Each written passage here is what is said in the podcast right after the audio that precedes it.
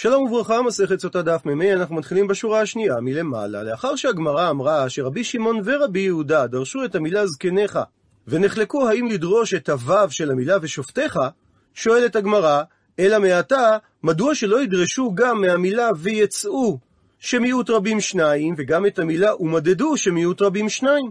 ואם כך היה יוצא שלרבי יהודה הרי כאן תשעה, ולרבי שמעון הרי כאן שבעה. מתרצת הגמרא שהמילים ויצאו ומדדו, ההוא מבא אלי לכדתניא, הן נדרשות להלכות שאומרת הברייתא הבאה, שהמילה ויצאו מלמדת הן ולא שלוחיהן, והמילה ומדדו מלמדת שאפילו נמצא בעליל לעיר, דהיינו שבצורה גלויה ופשוטה ברור שאין עיר קרובה כמו העיר הזו, עדיין היו מודדים את המרחק לעיר מפני שמצווה לעסוק במדידה. וטעם לדבר מסביר הרמב"ם בספרו מורה נבוכים, חלק שלישי, פרק מ'. ואי אפשר על הרוב עם החקירה ויציאת הזקנים והעומדים ולקיחת העגלה שלא ירבו דברי בני אדם, שאולי בפרסום העניין יוודע ההורג ויאמר מי שידעו או שמע עניינו או הורו על זה המטלאות שפלוני הוא ההורג, כי אחר שיאמר אדם ואפילו אישה או שפחה פלוני הרגו, לא תערף העגלה. ואחר שיוודע, הגיעה התועלת, שאם לא יהרגו בית דין, המלך יהרגהו, שיש לו להרוג באמתלאות ובדדמי, ואם לא יהרגהו המלך, גואל אדם יהרגהו, ויערים עד שיתנכל אליו להורגו. הנה כבר התבאר שתועלת עגלה ערופה היא לפרסם ההורג. ומדייקת הגמרא, מתניתין משנתנו דלא כשיטת כרבי אליעזר בן יעקב דתניא, שכך שנינו בברייתא. רבי אליעזר בן יעקב אומר, זקניך זו סנהדרין, שופטיך זה מלך וכהן גדול. ומוכיח רבי אליעזר בן יעקב בדבריו, מלך דכתיב, פסוק במשלי, מלך במשפט יעמיד ארץ, ואיש תרומות יהרסנה. הרי שמלך הוא גם שופט, וכהן גדול המקור לכך שהוא גם שופט, דכתיב, ובאת אל הכהנים הלוויים ואל השופט אשר יהיה בימים ההם, ודרשת והגידו לך את דבר המשפט. הרי שגם הכהן הגדול היה שופט. והמשנה שלנו שלא אמרה שהמלך והכהן הגדול צריכים להיות מעורבים בעניין עגלה ערופה, היא לא כשיטת רבי אליעזר בן יעקב. וממשיכה הגמרא, היא בעיה לו. נשאלה להם השאלה הבאה, האם רבי אליעזר בן יעקב במלך וכהן גדול הוא דפליג, אבל בסנהדרי אי כרבי יהודה אי כרבי שמעון סביר עלי? האם רבי אליעזר בן יעקב נחלק על משנתנו רק לעניין זה שהוא הצריך מלך וכהן גדול, שכך הוא למד מהמילה שופטיך, אבל לעניין כמות הדיינים שצריכים לבוא מהסנהדרין, או שהוא סבר כרבי יהודה שצריך חמישה, או שהוא סבר כרבי שמעון שצריך שלושה. או דילמה, או אולי, בסנהדרין נמי פליג. גם לעניין כמות הדיינים מהסנהדרין חלק רבי אליעזר בן יעקב על משנתנו, והוא למד זקני חזו סנהדרין עד דאיקה כולה סנהדרי, שכל חברי הסנהדרין צריכים לצאת למדידה. עונה על כך אמר רב יוסף תשמע, בו שמע הוכחה מן הברייתא הבאה, מצאן זקן ממרא אבי פגי, ואימרה עליהן. מסביר רש"י, מצא זקן ממרא את בית דין הגדול במיקום שנקרא בי פגי, שזה אומר רש"י בתוך ההיקף החיצוני של ירושלים. ופרופסור אייל בן אליהו במאמר למקומו של הכפר בית פגי, מציע שאזור המגורים שנחשף לאחרונה ממזרח לשער הרחמים הוא חלק מבית פגי הנזכר בספרות התנאים, בעוד שהכפר בית פגי שנמצא על מדרונו המזרחי של הר הזיתים, נקרא כך מכוח שיתוף השם למיקום בית פגי המקורי. ובאותו מפגש של הזקן ממרא עם חברי בית הדין של 71, הוא שאל מהם הלכה מסוימת, והם אמרו לו שההלכה היא כך וכך. ואז הוא הלך לעירו והורה לעשות כדרך שהיה מורה בתחילה, שלא כפי שהורו לו בית הדין. על כך שואלת הברייתא, יכול תהא המראתו המראה, והוא יתחייב עליה מיתה כדין זקן ממרא? תלמוד לומר, נקרא בפנים, כי יפלא ממך דבר למשפט, בין דם לדם, בין דין לדין ובין נגע לנגע, דברי ריבות בשעריך, וקמת ועלית אל המקום אשר יבחר אדוני אלוהיך בו. וזה מלמד שהמקום המיוחד למשפט, דהיינו לשכת הגזית, הוא גורם הכרחי להחלת דין זקן ממרא. והיות והזקן קיבל את הוראת בית הדין במיקום שנקרא בי פגי, ולא בלשכת הגזית, לא חל עליו דין זקן ממרא. ומדייק רב יוסף, דנפוק כמה. על איזו כמות דיינים מדובר שהורו את ההוראה בהיותם בבית פגי, צריכה הייתה הברייתא להשמיע לנו שלא חל דין זקן ממרא משום שזה הוראה מחוץ לבית הדין. אילי, מה אם תאמר דנפוק מקצתן, שיצאו חלק מחברי הסנהדרין, דילמה הנח דאיכא גבאי כבתי סבירה להו. אולי חברי הסנהדרין שנשארו בלשכת הגזית סוברים כאותו זקן. ואם כך, לא חל במקרה הזה דין זקן ממרא, שהיה הפסוק צריך לפטור את הזקן ממנו. אלא פשיטא, פשוט הדבר דנפו כולו, שכנראה יצאו כל חברי הסנהדרין לבי פגי, ובהכרח הורה הזקן כנגד הוראת כל הסנהדרין, ולכן היה צריך הפסוק לומר שאין כאן דין של זקן ממרא. וממשיך רב יוסף, ולמאי, לאיזה צורך ייתכן שיצאו כל חברי הסנהדרין מחוץ ללשכת הגזית? אם הם יצאו לדבר הרשות, מי מצו נפקי? האם מותר להם לצאת בהרכב מלא? והכתיב, שוררך הגן השר על יחסר המזג, בטנך ערימת חיטים סוגה בשושנים. הוא מסביר רש"י, שוררך זה סנהדרין שיושבת בטיבורה, באמצעיתה של ארץ ישראל. אגן השר זה מפני שהם עשויים כחצי לבנה עגולה. בשורת ישיבתן, כדי שיהיו כולם רואים זה את זה, בשעה שהם יושבים בלשכת הגזית. ומכאן למדו שאם נצרך אחד מהם לצאת, אז רק אם יש שם 23 שנשארים כנגד כמות של סנהדרין קטנה, אז הוא יוצא, ואם לאו אינו יוצא. וזה נלמד מהמילה המזג, כשיעור מזיגת שני חלקים מים ואחד יין, שאף כאן בסנהדרי הגדולה צריך שתשתייר כמות של שליש מהדיינים. אלא פשיטא שהם לא יצאו לדבר רשות, אלא לדבר מצווה. ומכאן מוכיח רב יוסף למאי, לאיזה דבר מצווה הם יצאו? לאו למדידת עגלה? וזה ודאי לא תואם לשיטת המשנה שלנו, אלא ורבי אליעזר בן יעקבי. דוחה את הדברים, אמר לו הבא לרב יוסף, לא בהכרח צריך להעמיד את הברייתא שדבר מצווה זה מדידת עגלה. דילמה, כי אולי ניתן לומר שהם יצאו כדי להוסיף על העיר ועל האזהרות. כדתנן, כפי ששנינו במשנה במסכת סנהדרין, אין מוסיפין על העיר ירושלים ועל האזהרות, אלא בבית דין של 71. ועל פי ההסבר הזה אין ראייה. מה כמות דייני הסנהדרין שצריכה להשתתף במדידה לשיטת רבי אליעזר בן יעקב? דוחה הגמרא את פרחתו של אביי, מפני שתניא כבתי דרבי יוסף. מצאנו ברייתא שאומרת במפורש כהסברו של רבי יוסף, שאם מצאן זקן ממרא, הבט פגי ואמרה עליהם, ומדובר כגון שיצאו הסנהדרין למדידת עגלה או להוסיף על העיר ועל האזהרות, אז יכול תהא המראתו המראה והוא יתחייב מיתה, תלמוד לומר וקמת ועלית, מלמד שהמקום גורם. ומכאן הוכחה שרבי אליעזר בן יעקב סובר שצריך את כל כמות דייני הסנהדרין במדידת עגלה. ציטוט מהמשנה נמצא טמון בגל או תלוי באילן, לא היו עורפים עגלה. ועל כך שואלת הגמרא, לימה מתניתין, אולי משנתנו שיטת רבי יהודה היא ולא רבנן דתניא, שכך שנינו בברייתא, על הפסוק, כי תקצור קצירך בשדיך ושכחת עומר בשדה, לא תשוב לקחתו, לגר ליתום ולאלמנה יהיה, למען יברכך אדוני אלוהיך בכל מעשה ידיך. ויש מחלוקת, מה דין עומרים טמונים בשדה שאדם שכח אותם, פרט לטמון דברי רבי יהודה, וחכמים לעומת זאת אומרים בשדה דווקא לרבות את הטמון. שלרבי יהודה משמע שבשדה זה על פני השדה, ולרבנן לעומת זאת בשדה משמע בתוך השדה. ולפי זה המשנה שלנו, שלמדה מהמילה באדמה פרט לטמון, היא מתאימה לשיטת רבי יהודה. דוחה את הדברים אמר רב, אפילו תימה ניתן לומר שמשנתנו היא גם כשיטת רבנן, מפני שהכה מעניין דקרא והתה מעניין דקרא. כאן בעגלה ערופה דרשו חכמים את המילה באדמה לפי עניינו של הפסוק, ושם לעניין שכחה דרשו חכמים את המילה בשדה לפי עניינו של הפסוק. ומבאר רב את דבריו, הכה מעניין דקרא, כאן בעגלה ערופה דרשו חכמים את המילה באדמה לפי עניינו של הפסוק, דכתיב כי יימצא חלל באדמה אשר אדוני אלוהיך נותן לך לרשתה, נופל בשדה, לא נודע מי היכהו, שהיכא דמשתכח באדמה. בכל מקום שימצא החלל, ובלבד שזה באדמה, וממילא זה בא למעט פרט לטמון. לעומת זאת, והתה מעניין דקרא, שם בשכחה דרשו חכמים, לפי עניין הפסוק, דכתיב, כי תקצור קצירך בשדיך ושכחת עומר. הרי שהשכחה המדוברת היא שכחה דומיה דקציר, באופן הדומה לקציר. מה קציר זה בגלוי? אף השכחה המדוברת היא בגלוי. ואם כך, הסיבה שכתב רחמנה, שכתבה התורה את המילה בשדה, כי היא באה לרבות את הטמון. מקשה הגמרא, אז לרבי יהודה נמי טיפוק ל... שגם הוא ילמד משוכחה דומיה דקציר, שמדובר דווקא על שכחה בגלוי, כך שמהמילה בשדה, שילמד כחכמים לרבות את הטמון. מתרצת הגמרא, אין הכי נמי. אכן כך גם למד רבי יהודה, שרק שכחה בגלוי צריך להשאיר לעניים, ואלא המילה בשדה, למה לי לשיטת רבי יהודה? מבא אלי, זה נצרך כדי ללמוד, לרבות שכחת קמה. מסביר רש"י, שאם הוא שכח זווית אחת מהשדה לקצור, חל עליו האיסור לא תשוב לקחתו, והוא צריך להשאיר את אותו חלק לא קצור לעניים. וממילא נשאלת השאלה ורבנן, דין שכחת קמה מנה להו, מהיכן הם לומדים את זה?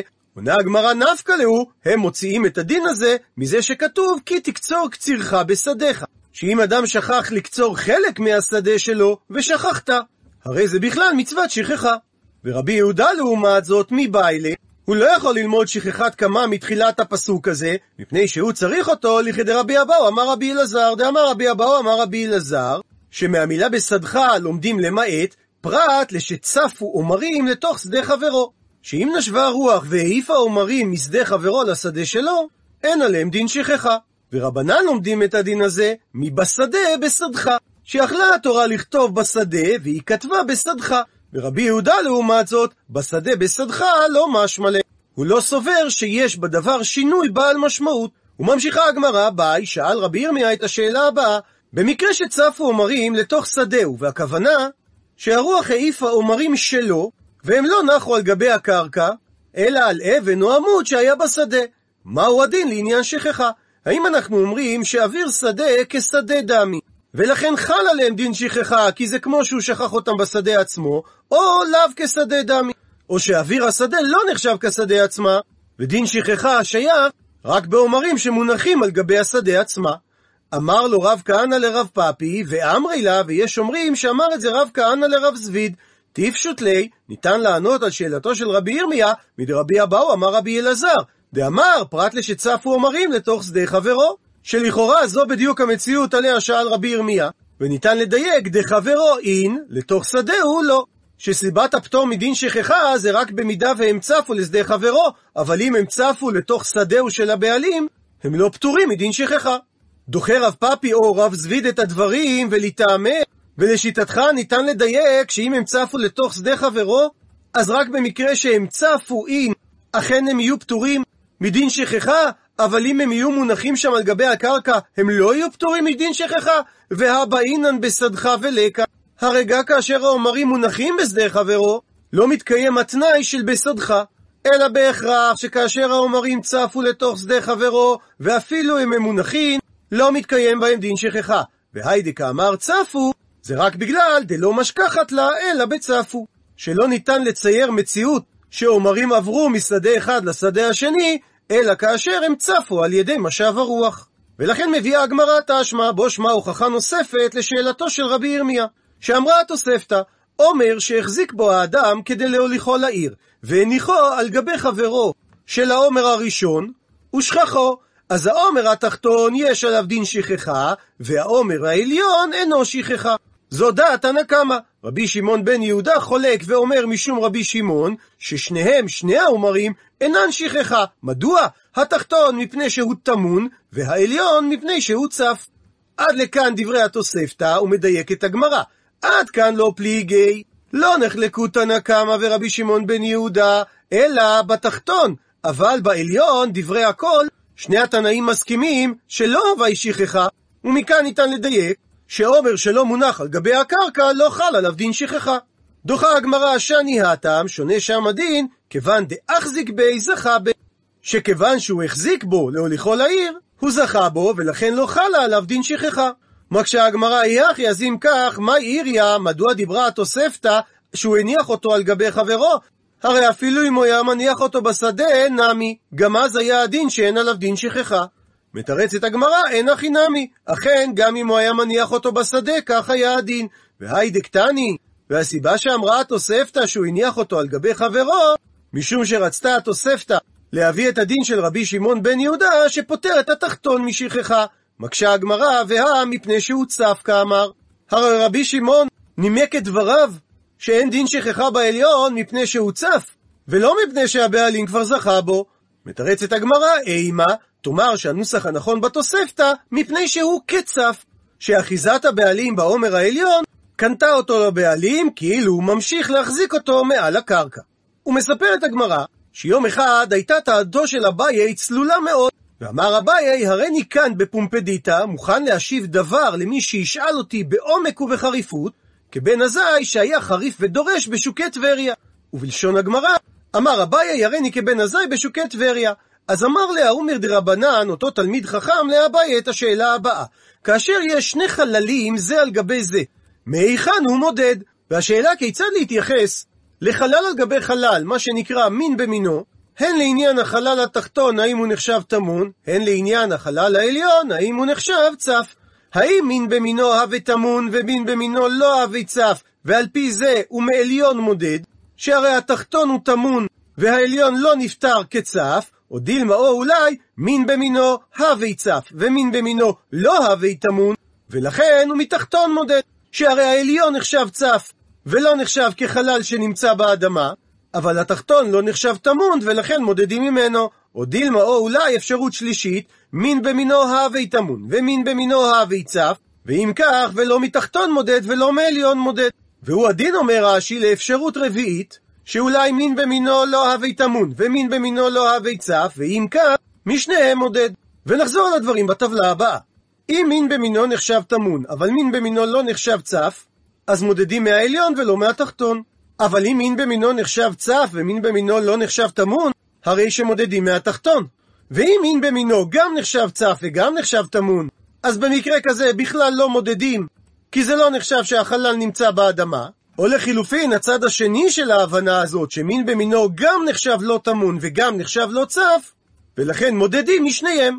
אמר לי, עונה לו אביי, הפכנו דף תנטוע, הרי שנינו את זה בברייתא, שעומר שהחזיק בו האדם להוליכו לעיר והניחו על גבי עומר חברו ושכחו, אז העומר התחתון הוא שכחה והעליון אינו שכחה. ורבי שמעון בן יהודה חולק ואומר משום רבי שמעון ששניהם אינן שכחה. העומר התחתון מפני שהוא טמון והעליון מפני שהוא צף. ואומרת הגמרא, סברו החכמים שהיו בבית המדרש שכוונת אביי הייתה לומר דהני תנאי שהתנאים של הברייתא שניהם כרבי יהודה סבירה להו. ששניהם סוברים כשיטת רבי יהודה, דאמר שמהמילה בשדה לומדים למעט פרט לטמון. ועומר שמונח על גבי עומר חברו זה מין במינו. מה אליו באקא מפלגי? האם לא זו נקודת מחלוקתם? דמר סבר, שזה רבי שמעון, שמין במינו הווי טמון. ומר סבר, שזה תנא קמא, שמין במינו לא הווי טמון. כך שאביי ענה רק על אחת מתוך שתי השאלות של אותו תלמיד, שהאם מין במינו נחשב כטמון, זה תלוי במחלוקת התנאים. דוחה הגמרא שלא בהכרח להסביר ששני התנאים סוברים כרבי יהודה שהמילה בשדה באה למעט פרט לטמון, ואז המחלוקת שלהם, האם מין במינו נחשב טמון או לא. כי ייתכן להסביר שאם שני התנאים כרבי יהודה סבירה להו, אז דכולי עלמא היו מסכימים שלרבי יהודה מין במינו הווי נחשב טמון. ואחא, וכאן בברייתא, בפלוגתא דרבי יהודה ורבנן כמפלגי. נחלקו התנאים במחלוקתם של רבי יהודה ורבנן מהברייתא בעמוד הקודם. דרבנן, היינו תנא קמא, שאמר שהעומר התחתון הוא שכחה, הוא סובר כרבנן, שלמדו מהמילה בשדה לרבות טמון, ורבי שמעון בן יהודה לעומת זאת, שאמר שהתחתון אינו שכחה מפני שהוא טמון, סבר כרבי יהודה, שלמד מהמילה בשדה למעט טמון. מקשה הגמרא על ההסבר הזה, אי הכי, אבל אם כך, מאי איריא על גבי חברו? מדוע מדובר בברייתא על מקרה שהאדם הניח את העומר על גבי עומר חברו. הרי אפילו אם היה מדובר שהוא טמן את העומר התחתון באפר ובצרור, נמי. גם אז היה ניתן להעמיד את מחלוקת התנאים במחלוקתן של רבנן ורבי יהודה, אלא בהכרח מזה שהברייתא דיברה על אדם שהניח עומר על גבי עומר חברו, שנחלקו התנאים בברייתא לגבי מין במינו. מתרצת הגמרא, אין הכי נמי. אכן, ניתן היה להעמיד את הדברים גם אם הוא היה טומן את העומר התחתון באפר או בצרור, והסיבה שהעמידה הברייתא כאשר הוא מניח את העומר על גבי עומר חברו, כדי להודיעך כוחו דרבי יהודה דאמר שאפילו מין במינו הוי נחשב טמון. וממשיכה הגמרא, תנו רבנן, שנו רבותינו בברייתא על הפסוק כי ימצא חלל באדמה אשר אדוני אלוהיך נותן לך לרשתה נופל בשדה לא נודע מי יכהו שמשמעות המילה חלל זה דווקא כאשר הוא נהרג בכלי ברזל כעין חרב ולא במידה והוא נמצא חנוק ודווקא כאשר הוא כבר נמצא חלל, ולא כאשר הוא נמצא מפרפר, דהיינו גוסס. ודווקא כאשר הוא נמצא באדמה ולא טמון בגל, ודווקא כאשר הוא נמצא נופל, דהיינו שהגופה הייתה במצב של נפילה, ולא כאשר היא נמצא תלוי בעילה. ודווקא כאשר הוא נמצא בשדה ולא צף על פני המים. רבי אלעזר חולק ואומר שבכולן, אם הוא היה חלל שנהרג בכלי ברזל, ואפילו אם הוא נמצא מפרפר, או צף, או טמון, או תלוי, הדין שעורפים בגינו עגלה. תניא, ושנינו על כך בברייתא, שאמר רבי יוסי בר יהודה, שאמרו לו חכמים לרבי אלעזר, אי אתה מודה שאם היה חנוק ומוטל באשפה, שאין עורפין? שלא מצאו אותו צף ולא טמון ולא תלוי, ולמרות זאת, אין עורפים במקרה כזה עגלה, היות שמצאו אותו חנוק, לא עורפים בגינו עגלה. עד לכאן דברי הברייתא, ומסיקה הגמרא עלמא, זאת אומרת שרבי אלעזר מסכים שלומדים חלל ולא חנוק, אז החנמי כך גם. היה צריך רבי אלעזר להסכים שלומדים באדמה ולא טמון בגל, נופל ולא תלוי באילן, בשדה ולא צף על גבי מים. מתרצת הגמרא, ורבי אלעזר חלל יתר הכתיב. הסיבה שרבי אלעזר מודה לחכמים, שהנה נרצח היה חנוק שאין עורפין, זה מפני שיש ייתור של המילה חלל שמלמדת את זה, כמו בפסוק הקרובים אל החלל, ומזה דייק רבי אלעזר חלל דווקא ולא חנוק, ואין הכרח שהוא ילמד את המיעוטים שלמדו חכמים. ציטוט מהמשנה נמצא סמוך לספר או לעיר שרובה עובדי כוכבים וכולי.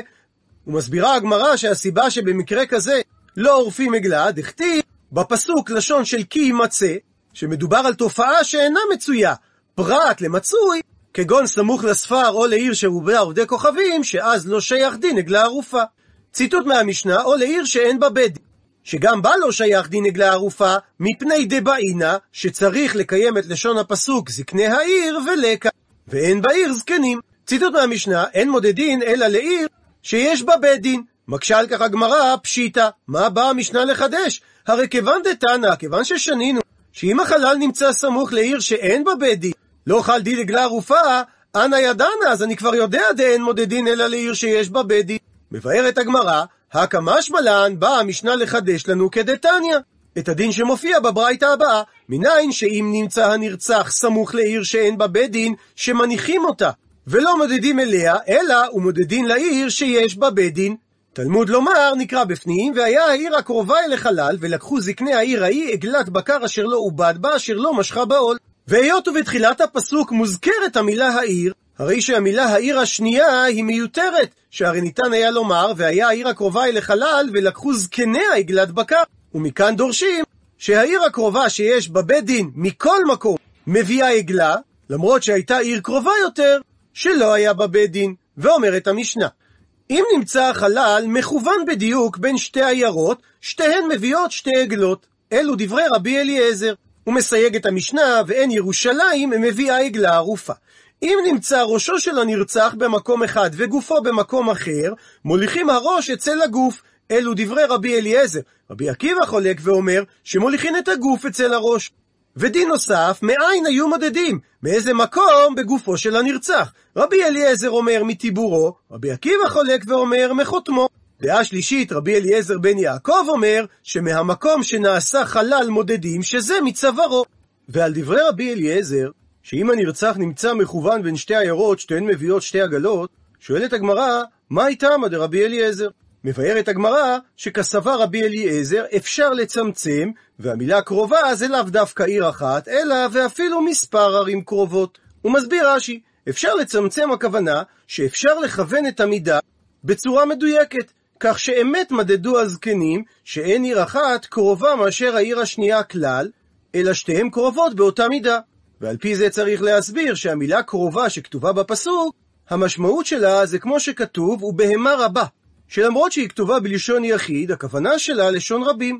הוא מסביר רש"י, כי אם היית חושב שאי אפשר לצמצם, זאת אומרת שמבחינת האמת אין עיר קרובה אלא אחת בלבד, ורק אנחנו, בכלי המדידה שלנו, לא יודעים איזו מהערים היא הקרובה.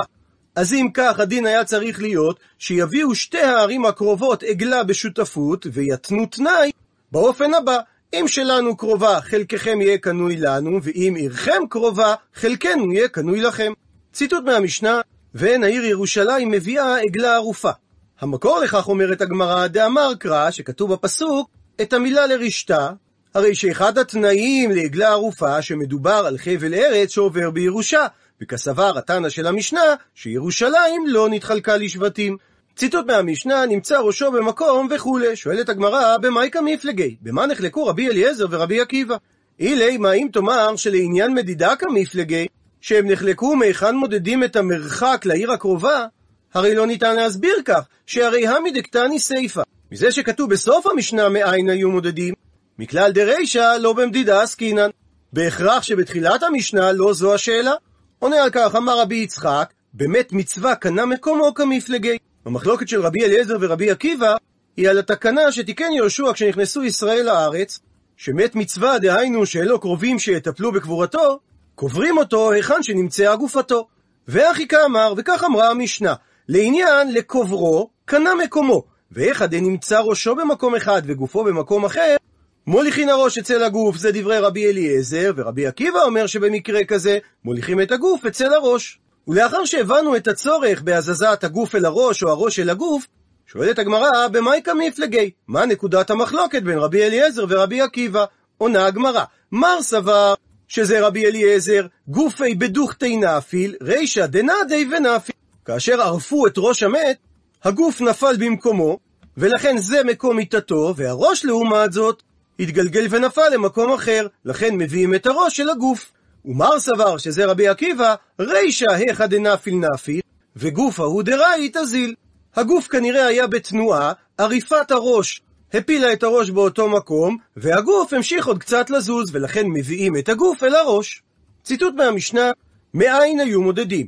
ויש בדבר מחלוקת משולשת, רבי אליעזר אומר מטיבורו, רבי עקיבא אומר מחותמו, ורבי אליעזר בן יעקב אומר מצווארו. ושואלת הגמרא במאיקה מפלגי, מה נקודת המחלוקת ביניהם? ומבארת הגמרא, מר סבר שזה רבי עקיבא, עיקר חיותא באפי. עיקר חיות האדם נמצאת באפו, דהיינו הנשימה שלו, ומר סבר שזה רבי אליעזר, עיקר חיותא בטיבורי. עיקר החיות של האדם זה באזור הטבור שלו, דהיינו, במקום שהופך את המזון שהוא אוכל לדלק עבור הגוף. ושואלת הגמרא, לימה, אז אולי נאמר שהמחלוקת של רבי אליעזר ורבי עקיבא כהני תנאי, היא כמו מחלוקת התנאים הבאה, בברייתא, מהיכן הוולד נוצר?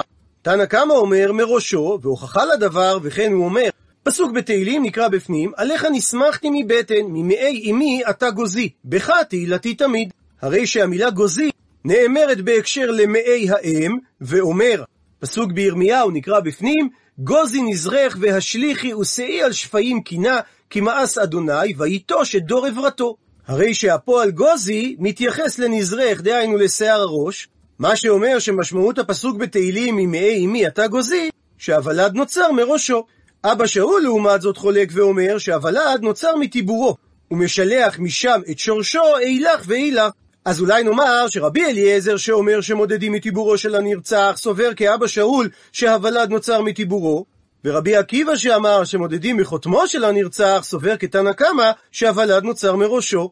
דוחה הגמרא, אפילו תימה, ניתן אפילו לומר, שגם אבא שאול שאמר שהוולד נוצר מטיבורו, מסכים לשיטת רבי עקיבא, שעד כאן לא כאמר אבא שאול, אלא לעניין היצירה.